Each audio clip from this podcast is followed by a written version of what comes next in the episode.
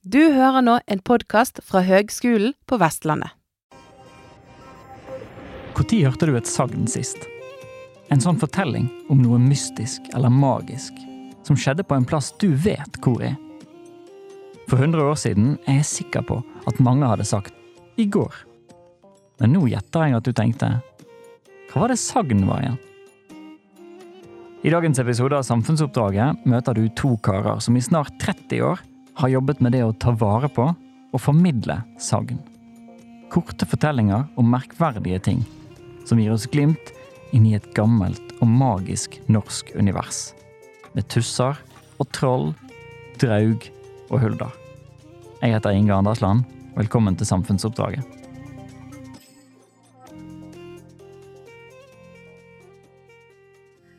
Sagnet om Oddlandshornet etter Åshild Ulstrup sin versjon. Oddlandsbonden Arnfinn Oddland på Stord kjente godt til huldrefolket oppunder Kippelshaugen på gården sin. Synet av rikdommen i haugen lokket han, og en dag tok han hesten sin og rei til haugen.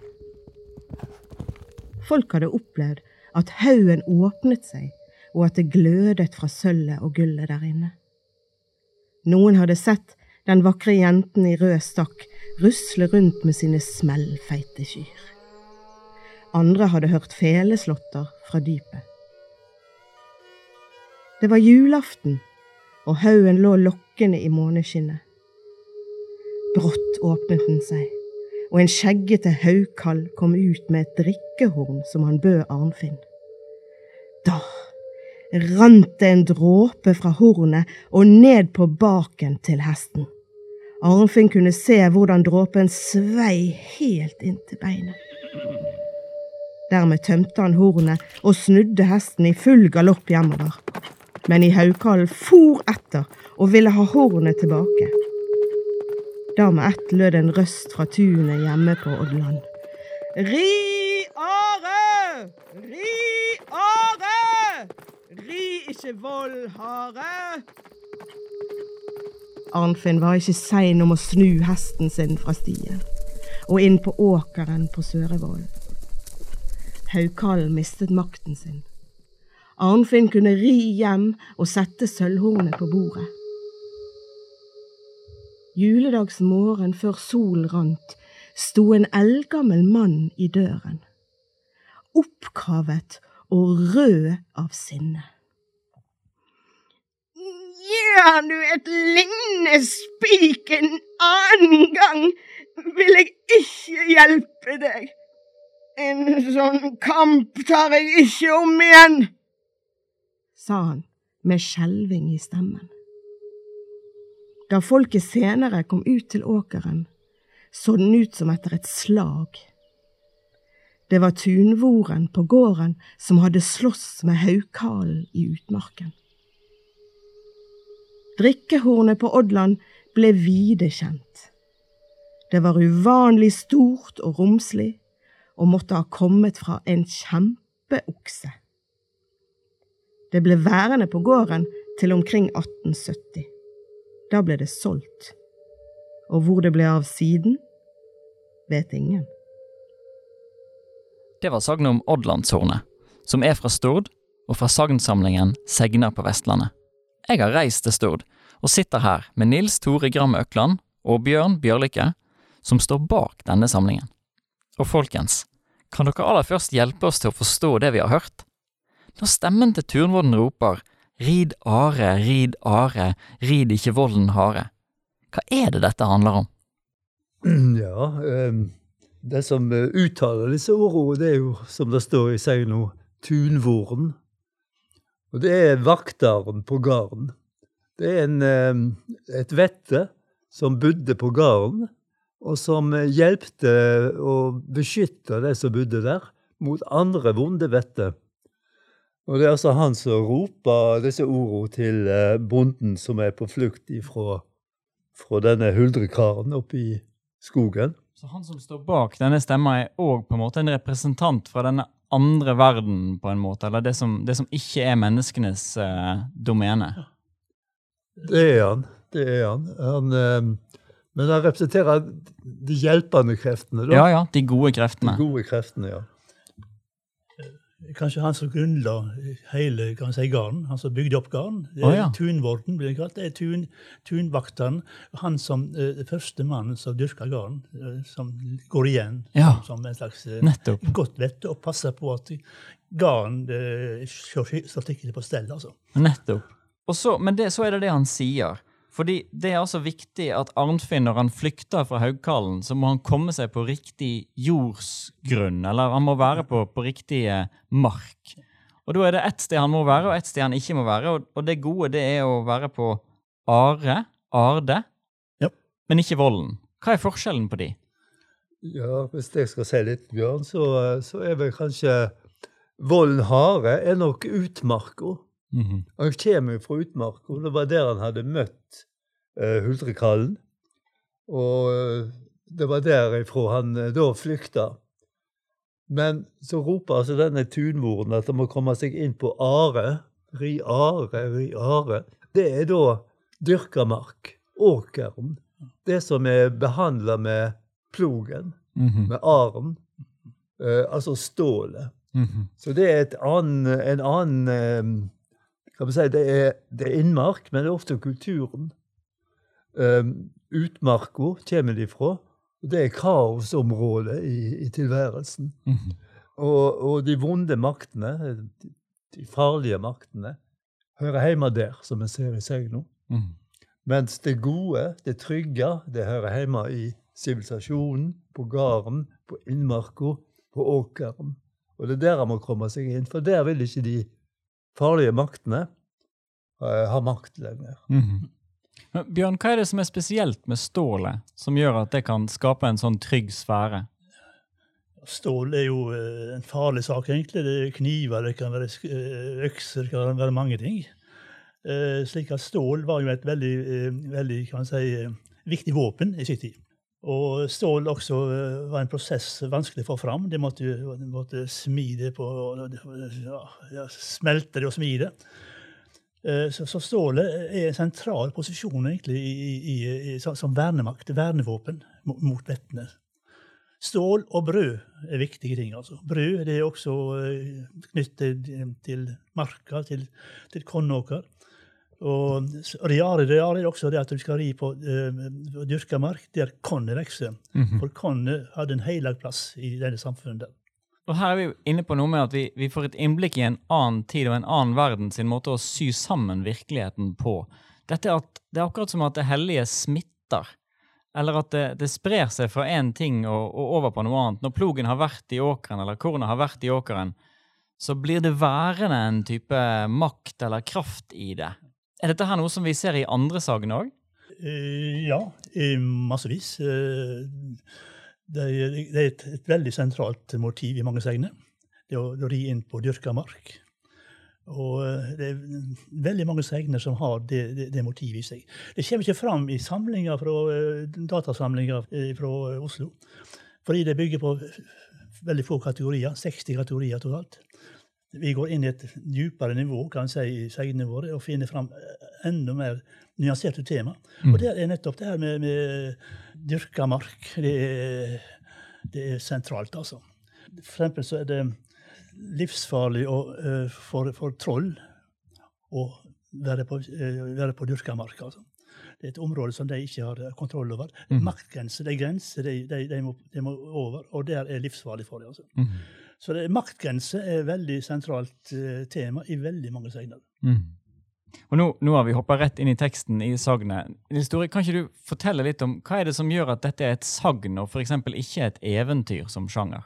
Det tradisjonelle peker på når en skal uh, si hva et seg- sagn er, det er å um, si at det er en tekst som er bunden til en bestemt stad, for det første. Slik som her på Ådlangarden på Stord. For det andre så har han gjerne en um, tidsbestemmelse i segna, det vil si når dette foregikk. Uh, det har vi ikke presist i denne segna. Men um, vi har uh, i den versjonen som vi hører her, en aktør som er kjent. Han blir kalt for Arnfinn Aadland. Mm. Og um, hvem denne mannen var. Det kan være flere, for det navnet gikk nå igjen på denne gården da, Ja. eh, blant bøndene der. Så segnet er en, en veldig lokal, bunden tekst. Den er også bundet til et landskap omkring eh, Nådland, Ådland, til skogen. Her er det nevnt Kippelshaugen, som ligger litt utenfor Bøgarden, altså inn i utmarka. Og det er nevnt en eh, åker, eller engområde, som er kalt for Sørevollen. Sånn at eh, eh, det er veldig Landskapet er veldig til stede i sjølve teksten. Mm. Tida som det foregår i, er til stede. Hverdagslivet til de som uh, levde på den tida, er til stede. Det, det er om det er julefeiringa. Og han er ute og rir. Han uh, har hørt gjete uh, skatter, gull og sølv, inni denne haugen, som folk er opptatt av. På en måte er vi inne i hverdagslivet og tenkemåten Mm. til folk på, på denne tid da dette foregikk. Jeg synes, um, jeg, jeg er født midt på 80-tallet, og når jeg gikk på, på barneskole og grunnskole, det var tidlig på 90-tallet og midten av 90-tallet, og der det var en sånn um, uh, ja, en nasjonalt fokus i skolen, og en var opptatt av å gi oss eventyr som skulle bygge norsk og kanskje kristen identitet. Men det var lite av disse sagna med det lokale. Det var mer fokus på, på det nasjonale i eventyrene. Um, kanskje du, Bjørn, kan du si litt om hva betyr det for en plass å vite at her har vi sagn som er våre sagn og hører til denne konkrete plassen? Ja, det har noe med at den eh, er knytt til en eh, bestemt plass, og, og, og se- segnene er del av, av, eh, av, av det som er knytt til. Fortellinger, narrativ omkring eh, ting som har skjedd i, på heimstaden, er, er veldig sentralt i, i, i heimstadidentiteten, på en måte. Ja. Eh, at du, måte, du føler deg hjemme fordi at eh, eh, ja, sagnet forteller noe om som er sentralt for heimstaden. altså. Mm. Jeg kan bare følge opp der. Altså, på en måte så blir uh, fortida og landskapet, som òg er et fortidig landskap, Mm. levendegjort gjennom disse fortellingene. Vi ser at landskapet blir eh, på et vis fylt med en mening, med et innhold. Mm. Eh, fylt fortid trer fram i det landskapet gjennom denne fortellinga. Sånn at um, både lokal historie og lokalt landskap uh, kommer nærmere. Mm. Og en blir knyttet til det med flere bånd. Ja. Ikke bare sine nåtidige bånd, men et djupere bånd som går tilbake i tid. Og dermed så er det identitetsbyggende. Nettopp. At vi får på en måte flere tråder på identitetsveven som binder oss til den plassen som vi, som vi hører til. Det var et prosjekt i 1930-åra. Eh, Ja. Indrebø som sto for det. Eh, Gustav Indrebø. Og han gikk ut på å samle inn eh, segner, navn, stadnavn, i forskjellige kommuner. Så det er tjukt av sånn innsamla eh, segner som skoleelever, ved hjelp av foreldre kanskje, da, har, har, har, har, kommet med. Og der er det da segnene knytt til stader. Det er ofte fortellinger knyttet til, til, til, til ulike plasser, som det er nevnt. altså. Opprinnelig var det et slags eh, stadnavnsprosjekt, men eh, Ja. det kan like godt være et segnprosjekt, i og med at det, at det handler mye om fortellinger knyttet til disse her plassene, ofte som, i form av sagn. Mm. Vi har en del av disse segnene med eh, i samlinga vår, men ennå enda ligger det masse stoff ute som vi ikke får henta inn Mm. av den, det materialet der. Mm.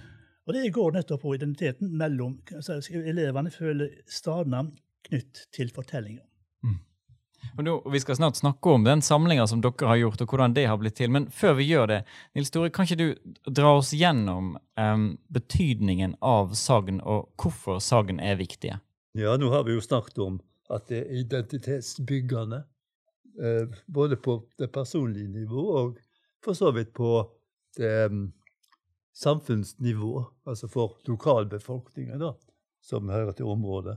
Men segnene er jo også eh, litteratur. Og de er på mange vis fantastisk litteratur. Fordi de er, har mange aspekt. De har en underholdningsdimensjon i seg som, som nok gjør at de blir fortalt. Hadde de ikke vært underholdende, så ville ikke disse fortellingene blitt ført videre i tradisjonen. Det er det som gjør de at de blir en levende tradisjon. Det er det som gjør at de òg er blitt innsamla og nedskrevne og fenger interesse i dag. fordi de er underholdende. Og det som gjør de underholdende, det er jo at de, de tar utgangspunkt i det merkelige og uvanlige.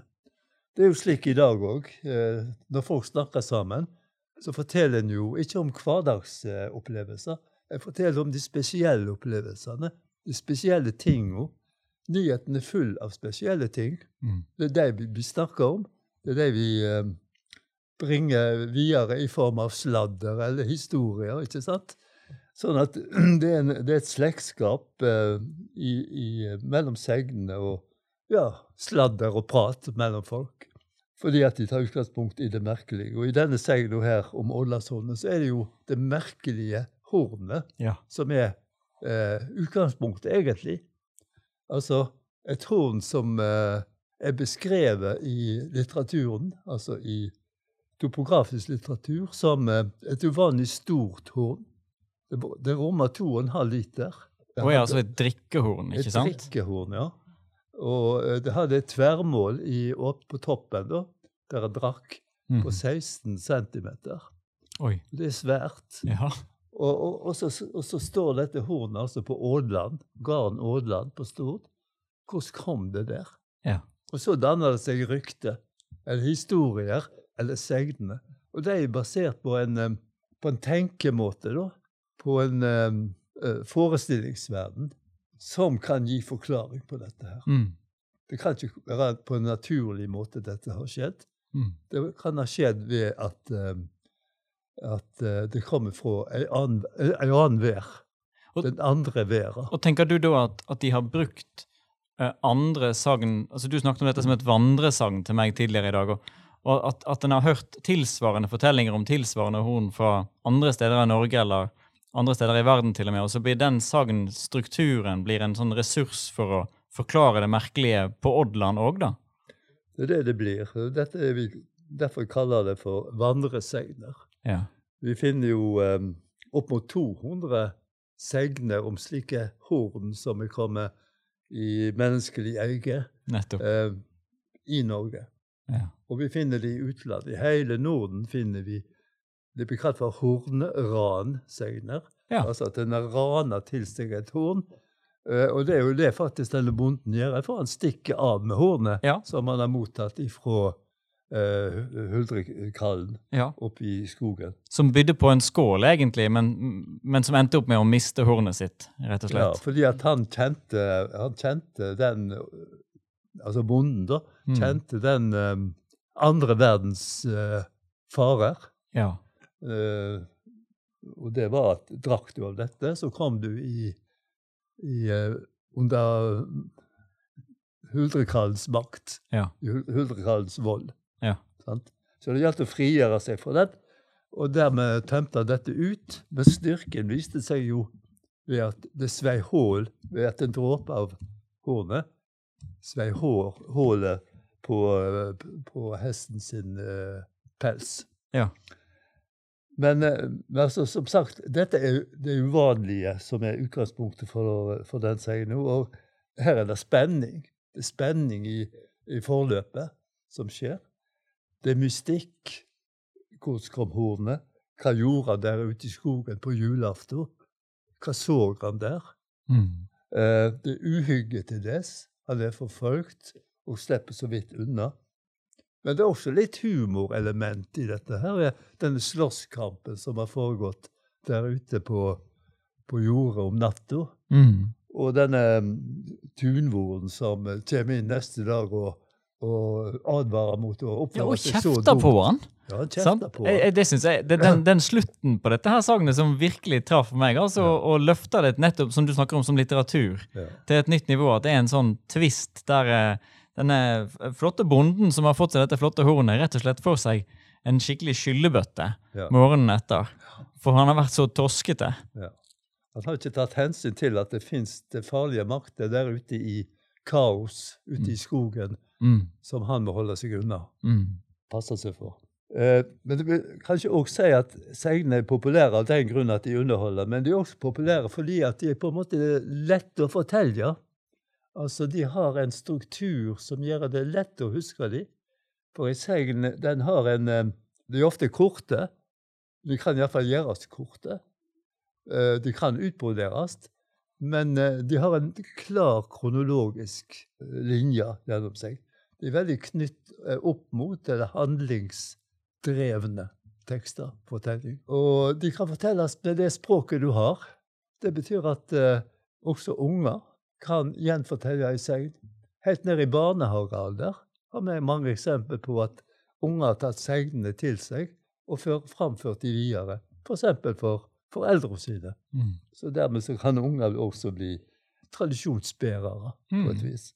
Så det er, det er en fleksibel tekst som, som, eh, som den som forteller, kan tilpasse sitt eh, repertoar, sitt vokabular, sin eh, fortelleevne og, og trening. Derfor er det også interessant å bruke i skole, i munnlig opplæring. Ja visst. Det skal vi komme tilbake til. Det fins jo eh, mange segner og varianter. Dette er nærmest det jeg kaller for full, ei fullsegn, med, med full eh, med innledning og selve handling og avslutning. Veldig flott eh, formulert. Men det finnes mange varianter som eh, trekker inn andre element, eh, henter element fra andre segner. Mm. Og den der andre segna fra Stord, Med hornran. med horn, ja, hornran, ja. Der, der, havna ikke i garn, men det havna ned på et nes. Og, og så må ry- rytteren hoppe over fjorden, Ja, fra Håvaneset. Håvaneset, ja. Og det er et merke igjen etter hoven. Et veldig flott hvitt felt som ligner på en hov. Der må vi bare anbefale lytterne å komme seg ut i båt og, og, og seile rundt, altså, for det er et, eh, litt av et syn. Jeg har bare sett bilder av det, men det, jeg gleder meg til den turen, for det blir eh, Synlig deg, leia. Det- Ja.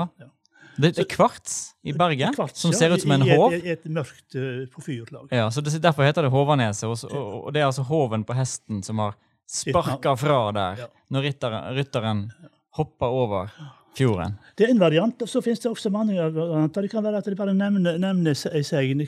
Sånn seignotis. At du bare sier hva som er innholdet i segna, uten å, å, fortelle i det helt tatt. Ja. Det er en, en minivariant av segner. Ja. Og det er det masse av, egentlig, den typen der, som er ikke er fullbroderte. Men det er blandingssegner eh, eh, her, og det eh, unngikk de i sin tid eh, når de skulle lage til eh, databasen om, om, om, om, om eh. De unngikk her variantene. De tok bare fullsegner som var like, stort sett like. Og det var vraker i mange av, av, av variantene, fordi det var ikke eh, opp til det som opprinnelig var, nemlig slik hun var opprinnelig. Mm -hmm. Men at den er blitt, plussa på av, av, av fortellere ut fra sin situasjon der de forteller. altså. ja. At det kan være noe, en, en sånn kjerne som kan gå igjen i sånne eh, i disse notisene som eh, kan være viktig å ta vare på, da, rett og slett. Ja, og det er veldig mange segner er sånne eh, segnnotiser, segnnotat, som bare sier at det er segn om det og det, og så ikke mer. Mm. For eksempel eh, kirka på uh, Bømlo, steinkirka der. Det er segn eh, om denne kirka, som minner om eh, mange andre segner. Men de har ikke fått tak i selve segna, men det er segn omkring eh, trollet som bygde kirka der. Oh, ja, såpass. Ja. Eh, og det er tjukt av sånne segner rundt omkring i landet. Uh, Kirkebyggere, troll som bygger kirker. Ja, Dette er har jeg aldri type- hørt om. Det er en type vandresegn også. Fascinerende. Så det er en veldig stor variasjon i, i, i segnomfanget. Dvs. Si, altså, hva de tar med. eh, Korte notiser til eh, fullstendige gode segner, som er med innledning og, og midtparti og dramatikk, og så slutt. altså. Sånn som den segna fra Hordaland er den full, full segn, altså. Det som jeg blir sittende og tenke på, det er sånne kaleidoskop, hvis det er riktig ord. Altså sånne rør med forskjellige glassbiter i enden som du kan riste på. Og så holder du opp mot lyset, og så ser en et sånt fantastisk mønster, og så kan du riste på det på nytt igjen, og så får du et nytt mønster. Men det er akkurat som at disse forskjellige sagnene gir liksom ulike innfallsvinkler eller ulike perspektiv inn på den samme virkeligheten, på en måte, som var der for disse folka her og der og andre steder i Norge på ulike tider. Det er Men eh, blandingssegnene var ikke oppfattet som, som seriøse segner, skikkelige, segner. Det var, det var, det var noe litt, litt uh, dårligere kvalitet. Mhm. Det var ikke det samme å, å fortelle uh, den, den ekte segna kontra det som uh, tar element fra mange segner og forteller sammen. altså. Ja. Så veldig mange segner er en blandings av, av, av tema fra mange segner. ja. Nettopp. Kjempefascinerende. Og nå, nå må vi komme til um, databasen og det samlinger. For det er jo en grunn til at jeg sitter her og snakker med dere to, er jo at um, dere har hatt dette her som et prosjekt lenge. Um, med base i norskseksjonen på lærerutdanningen på Stord på 90-tallet, så begynte dere altså å samle sagn. Kan ikke dere fortelle hvordan dette her starta? Jo, det stemmer det som du sier. På 90-tallet. Vi var norsklærere, og vi hadde studenter i praksis. Og vi ville lage en ressurs for disse studentene våre når de skulle ut i praksis i grunnskolen. Og en slik ressurs, det var da eh, lokale segner for eh, ja, Som knyttet seg til de skolene de var i praksis i. Så vi laget et lite kompendium på papir og eh, distribuerte det blant studentene. Men vi så jo snart at det var jo egentlig et stort materiale her. Og hvis vi skulle begynne å trykke opp et nye kompendium for hver gang vi hadde studenter i praksis, så ville jo vi ha en um, feilprioritering av det vi skulle jobbe med. Nettopp. Så um, på slutten av 90-tallet så begynte også IKT og nett, nettet å bli en um, anvendbar kanal for publisering. Mm. Så dette pedagogiske prosjektet vårt det utvikla seg da til å bli et, uh, et mye større omfang enn vi hadde tenkt. Eh, for vi venter oss etter hvert ikke bare til studentene våre, men vi venter oss også til lærerne i skolene, i barnehagene, eh, både grunnskole, videregående skole, eh, i vårt distrikt. Og så var Sunnhordland i første omgang. Men etter hvert ble jo Høgskolen på Stord en del av Høgskolen Stord-Haugesund. Vi hadde også mange studenter som hadde praksis i Rogaland Mm. og i Hardanger. Så vi måtte jo utvide området vårt. Så vi presenterte etter hvert også segne fra Rogaland og Hardanger. Men hvordan fikk dere tak i de? Ja, eh, det er mange, mange kjelder. Ja. Det er veldig mange kjelder. Det kan være kjelder som eh, tidsskrift, soglagstidsskrift. sågelagstidsskrift. ja. Det er veldig mange. Og så kom det ut samlinger også fra folk, Norsk Folkeminnelag, som eh, gav ut bøker eh, med samlinger. og Der henta jeg masse. Eh, mange samlinger fra, eh, fra bøker som er ute i dag, mange fra aviser til og med. Så vi hadde veldig mange ja, kjelder å hente, hente segner fra. Og studenter da, som samla inn segner. Mhm. Uh, Nestora for eksempel samla inn ikke han er men uh, han samla inn uh, 15 segner. har han samlet inn, altså.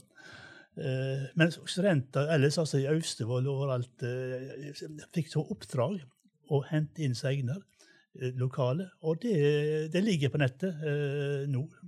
Eh, som som, som eh, prosjekt, skoleprosjekt. altså. Fordi disse studentene ble jo på en måte, de var jo først målgruppe, men så blir de jo på en måte allierte i et større prosjekt her òg, tenker jeg.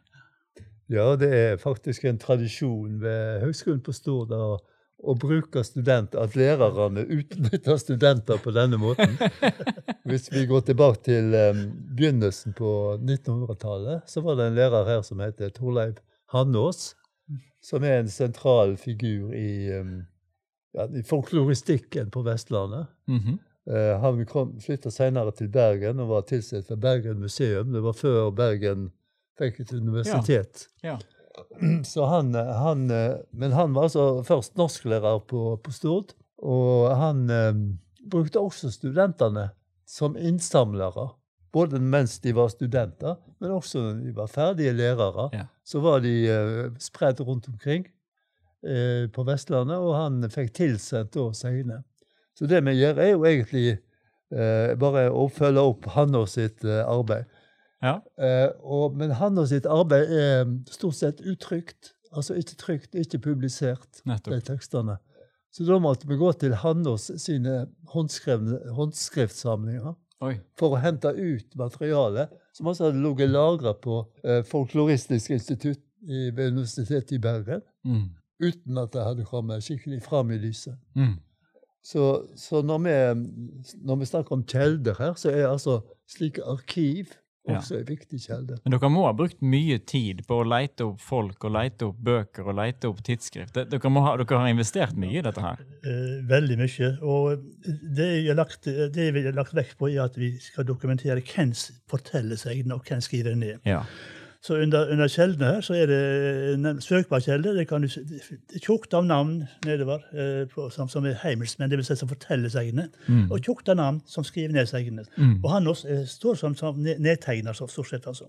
Ja. Og har andre folk som han da refererer til eh, i bakgrunnen. Så Ja. Vi har lagt veldig vekt på å dokumentere segnene gjennom eh, kjeldetilvisninger. Hvem, eh, hvor, hvor det er henta fra, eh, hvem har skrevet det ned, og hvem har eh, heimelsfolk, eller Si, eh, opp, opplyst om sengene. Nettopp. Nettopp. Um, og i, i historiefortellingen så var vi kommet til HSH. Um, men det slutta jo ikke der med høyskolesammenslåing eh, på Vestlandet. Det ble eh, Høgskolen på Vestlandet. Og da tok dere et radikalt grep nordover med samlinga. Ja, eh, både nordover for så vidt og sørover, for vi innlemma hele Rogaland. Men gikk da nordover til, eh, til Sogn og Fjordane, ja.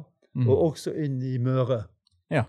Sånn at uh, i dag dekker vi hele kysten, uh, vestlandskysten, og altså større områder enn uh, Høgskolen på Vestland egentlig har uh, krav på. Og det, det er nå lytteren altså må gå inn på www.segner.no og se det kartet som åpenbarer seg når en kommer inn på sida der, og som er blitt portalen til Segner på Vestlandet.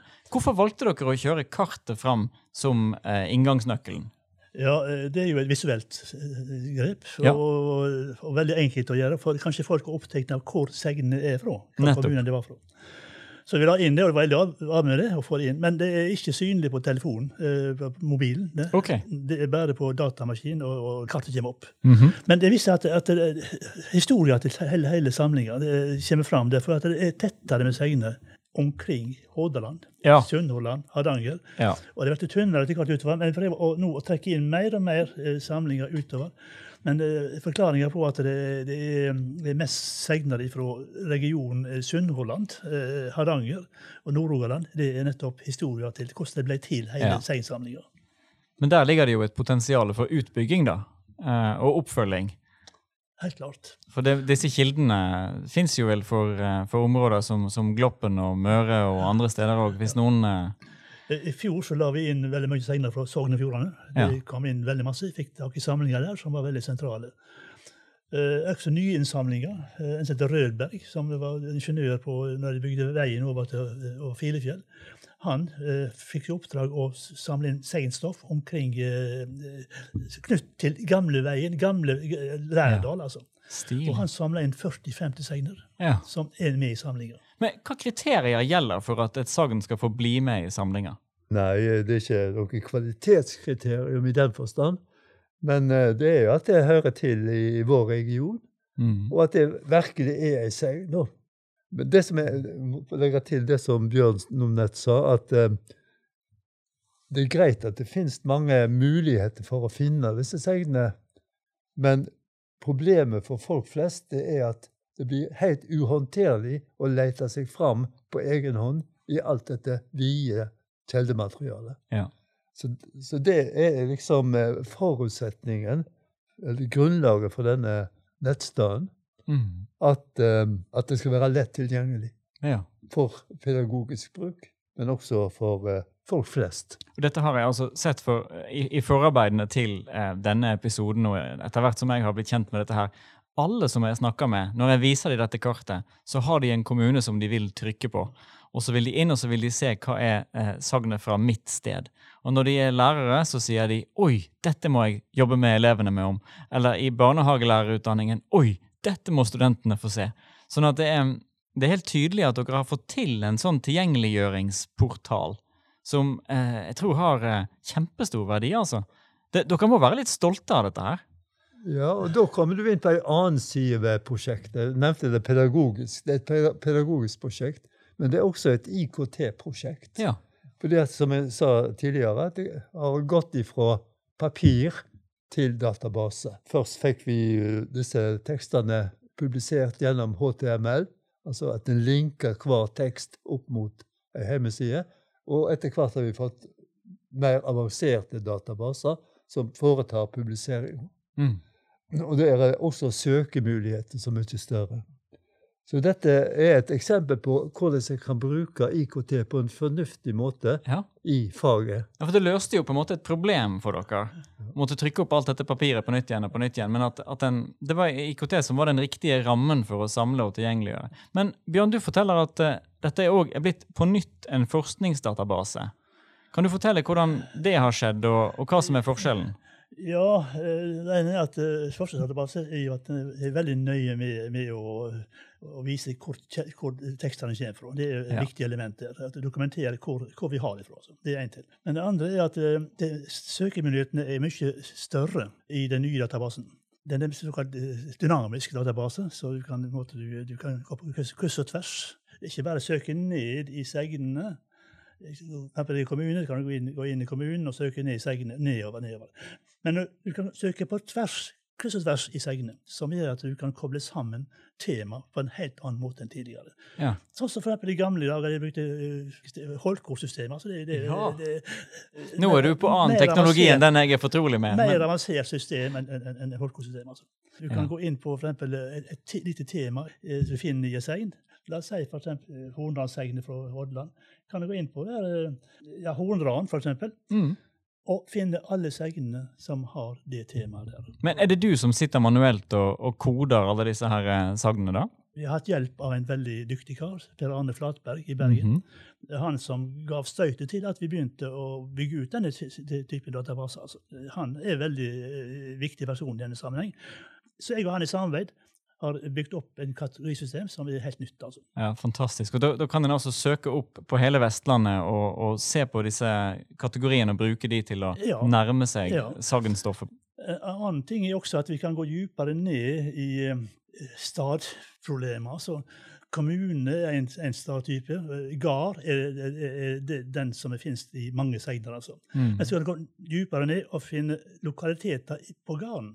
Ja, som er nevnt i Som sagnet. sagnet, ja. Mm. Som en haug, da, for eksempel, eller en Haug, stein, eller ja. Og røys og masse ting. Flatmerk og et berg. Det så kommer jeg mer inn på lokalitetene der huldrefolket opptrer. Mm.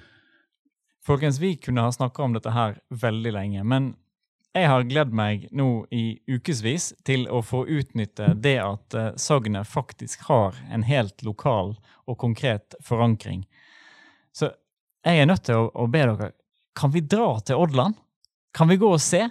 Om vi finner Kippelshaugen og, og Ar, Jorde og alt mulig, kan dere ta meg med dit? Ja, det er en enkel sak. Årdal ligger fem kilometer herifra. Så da tar vi godt og godt bilen og kjører ut til Ådland og ser oss om der. Det gjør vi. Ja. Jeg er veldig spent.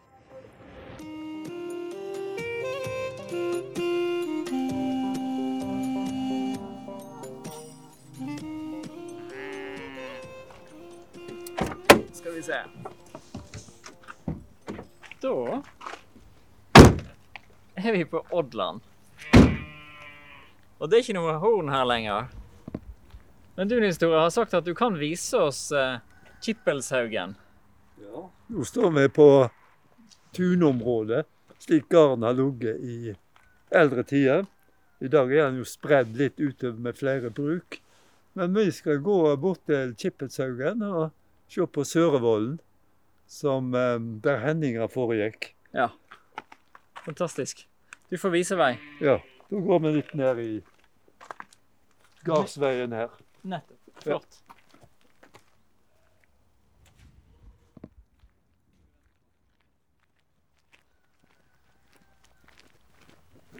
Hvor er vi nå?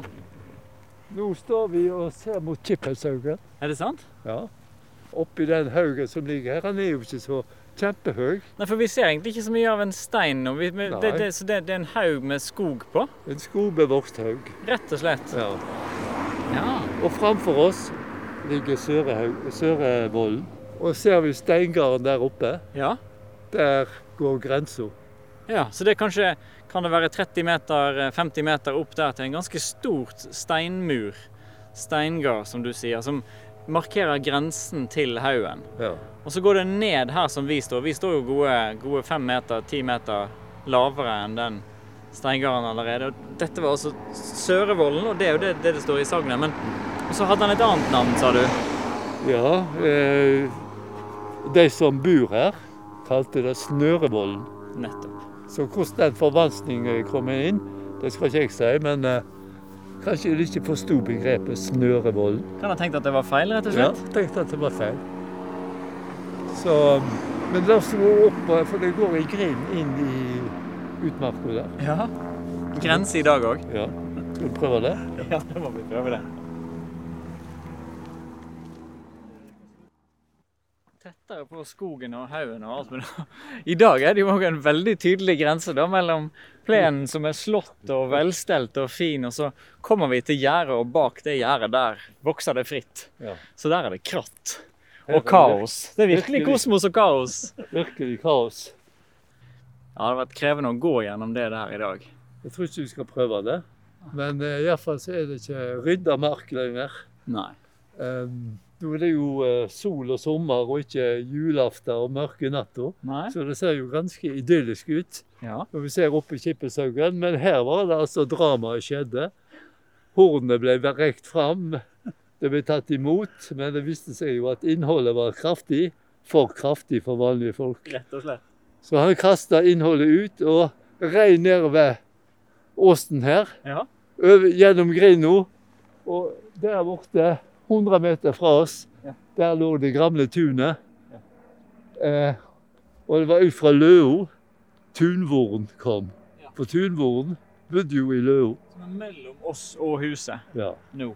Og framfor oss ligger da Sørevollen. Ja. Eh, som en eh, oppdyrka, fin bakke i dag. Her var det altså åker. Ja. Her eh, var det at eh, tunvoren måtte tre til Ja. og sette en stopper for forfølgelsen fra Huldremann. Det var, ikke, det var ikke lange veien han hadde å redde Arnfinn på, tenker jeg. Altså det, det, han, måtte, han måtte være rask. Og, og, og så har han tatt hesten sin og så vridd han til venstre inn på marka. Ja. Som det kanskje hadde vært korn der om sommeren, da, som de hadde høsta. Og så, som fremdeles hadde i seg denne her sivilisasjonskraften. Og vi må se for oss den gamle Ådlandslova som står bortpå tunet her, til gamle tunplassen. Ja. middelalderbygningen, Årestova, som de bodde i her på Ådland langt opp på 1800-tallet. Ja. Kraftige tømmerbygning, eh, som i dag står på Sunnhordland Folkemuseum sitt tun på Lærvik. Og som du har sagt at vi kan gå og se på etterpå, kanskje. Hvis vi Det bør vi absolutt Hvis vi får komme oss inn der. og Det er jo det som er redningen for Arnfinn når han endelig har kommet inn der. Bak de tjukke tømmerveggene i Ådlandslova. Ja. Der sover han trygt. Og så er det første juledag. De kommer ut her og ser nede på, på jordet her nede, altså spor av et slag Ja. mellom Og jeg strever med det ordet tunkallen, ja. eller? Tunvoren, altså han som Voren? vakta, Ja. vakta gården. Ja. Eh, Sommertid har han eh, form av eh, tuftekall, blir han oppkalt. Ja. Haugbonden blir han kalt. Altså han som eh, ligger i haug ved garden. Sånn som Bjørn nevnte, den første rydningsmannen Ja. som blir dyrka som en eh, halvgud. Som brøt jorda her oppe på en måte og ordna og gjorde at det ble Ja. kosmos eh, i denne delen, på en Ja. måte. Ja.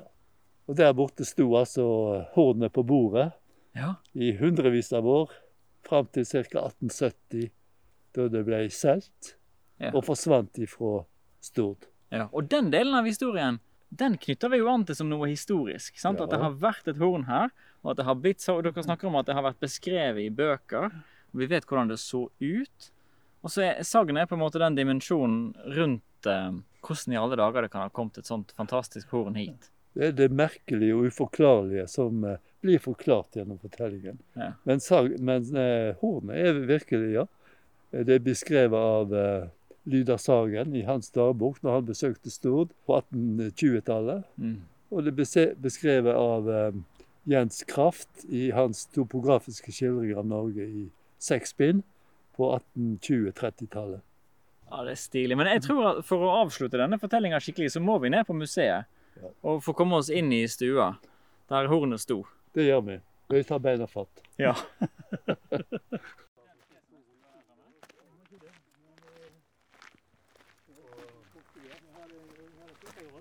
Nå er vi altså utenfor selveste Oddlandstua på Sunnhordland museum. Og publikumsansvarlig her. Du må si navnet ditt.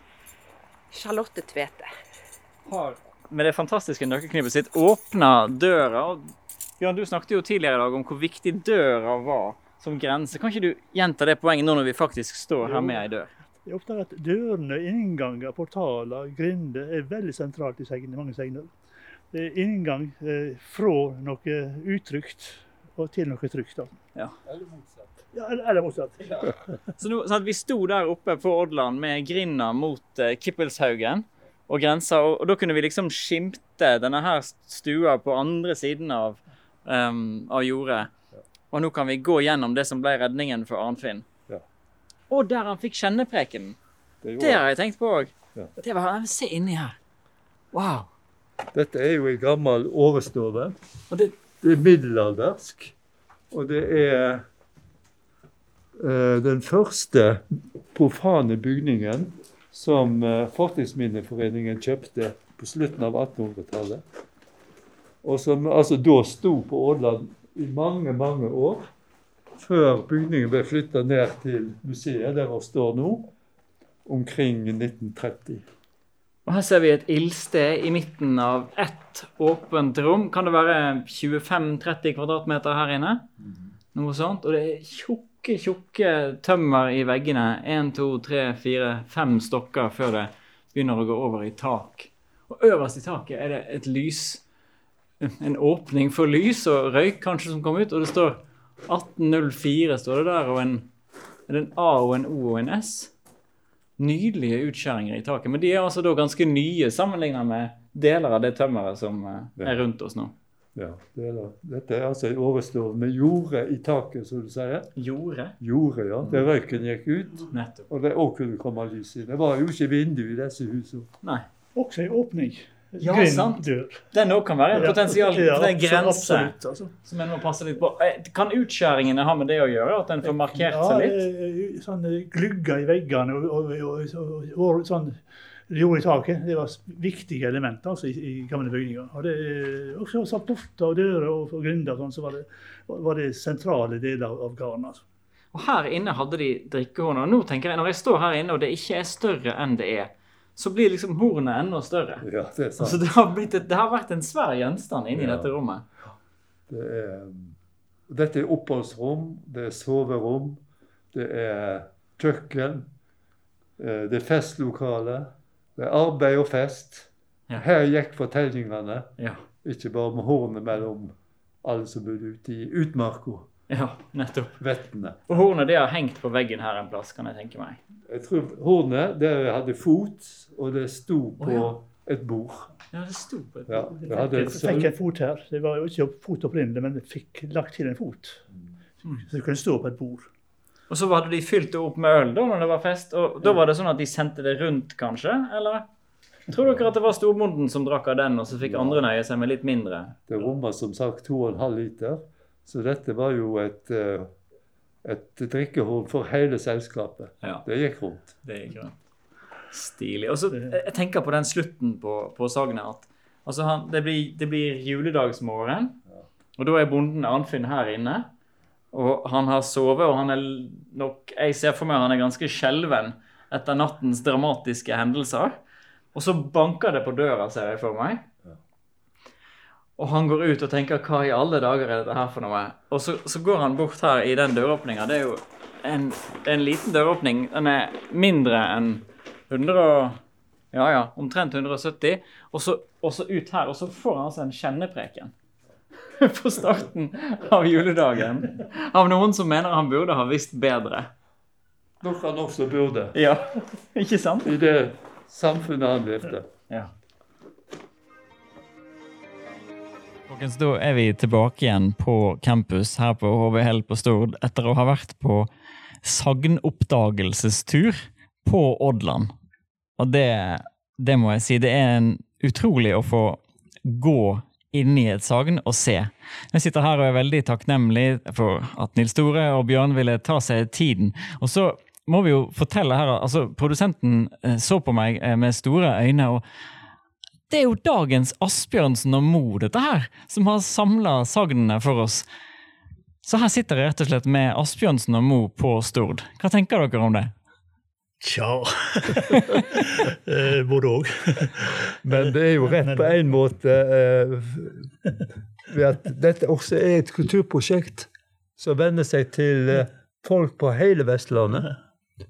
Som har interesse for disse fortellingene, og som har glede av den underholdninga det gir. Ja. Eh, Vi har samla inn scener som andre har skrevet ned, så Asbjørnsen nå han samla inn sjøl. Så det der ligger forskjellen. Altså, vi er ikke, er ikke nedtegner, men vi er mer enn eh, redigerer det som finnes av sagene. Det er det som er vår, vår rolle. To gode representanter i samme bransje tenker jeg likevel vi kan si. Tusen takk. Du har hørt en episode av Samfunnsoppdraget. En podkast om forskning fra Fakultet for lærerutdanning, kultur og idrett på Høgskolen på Vestlandet. Podkasten lages av meg, Inge Andersland, i samarbeid med Medielab. Produksjon, lyd og regi ved Øyvind Fosse.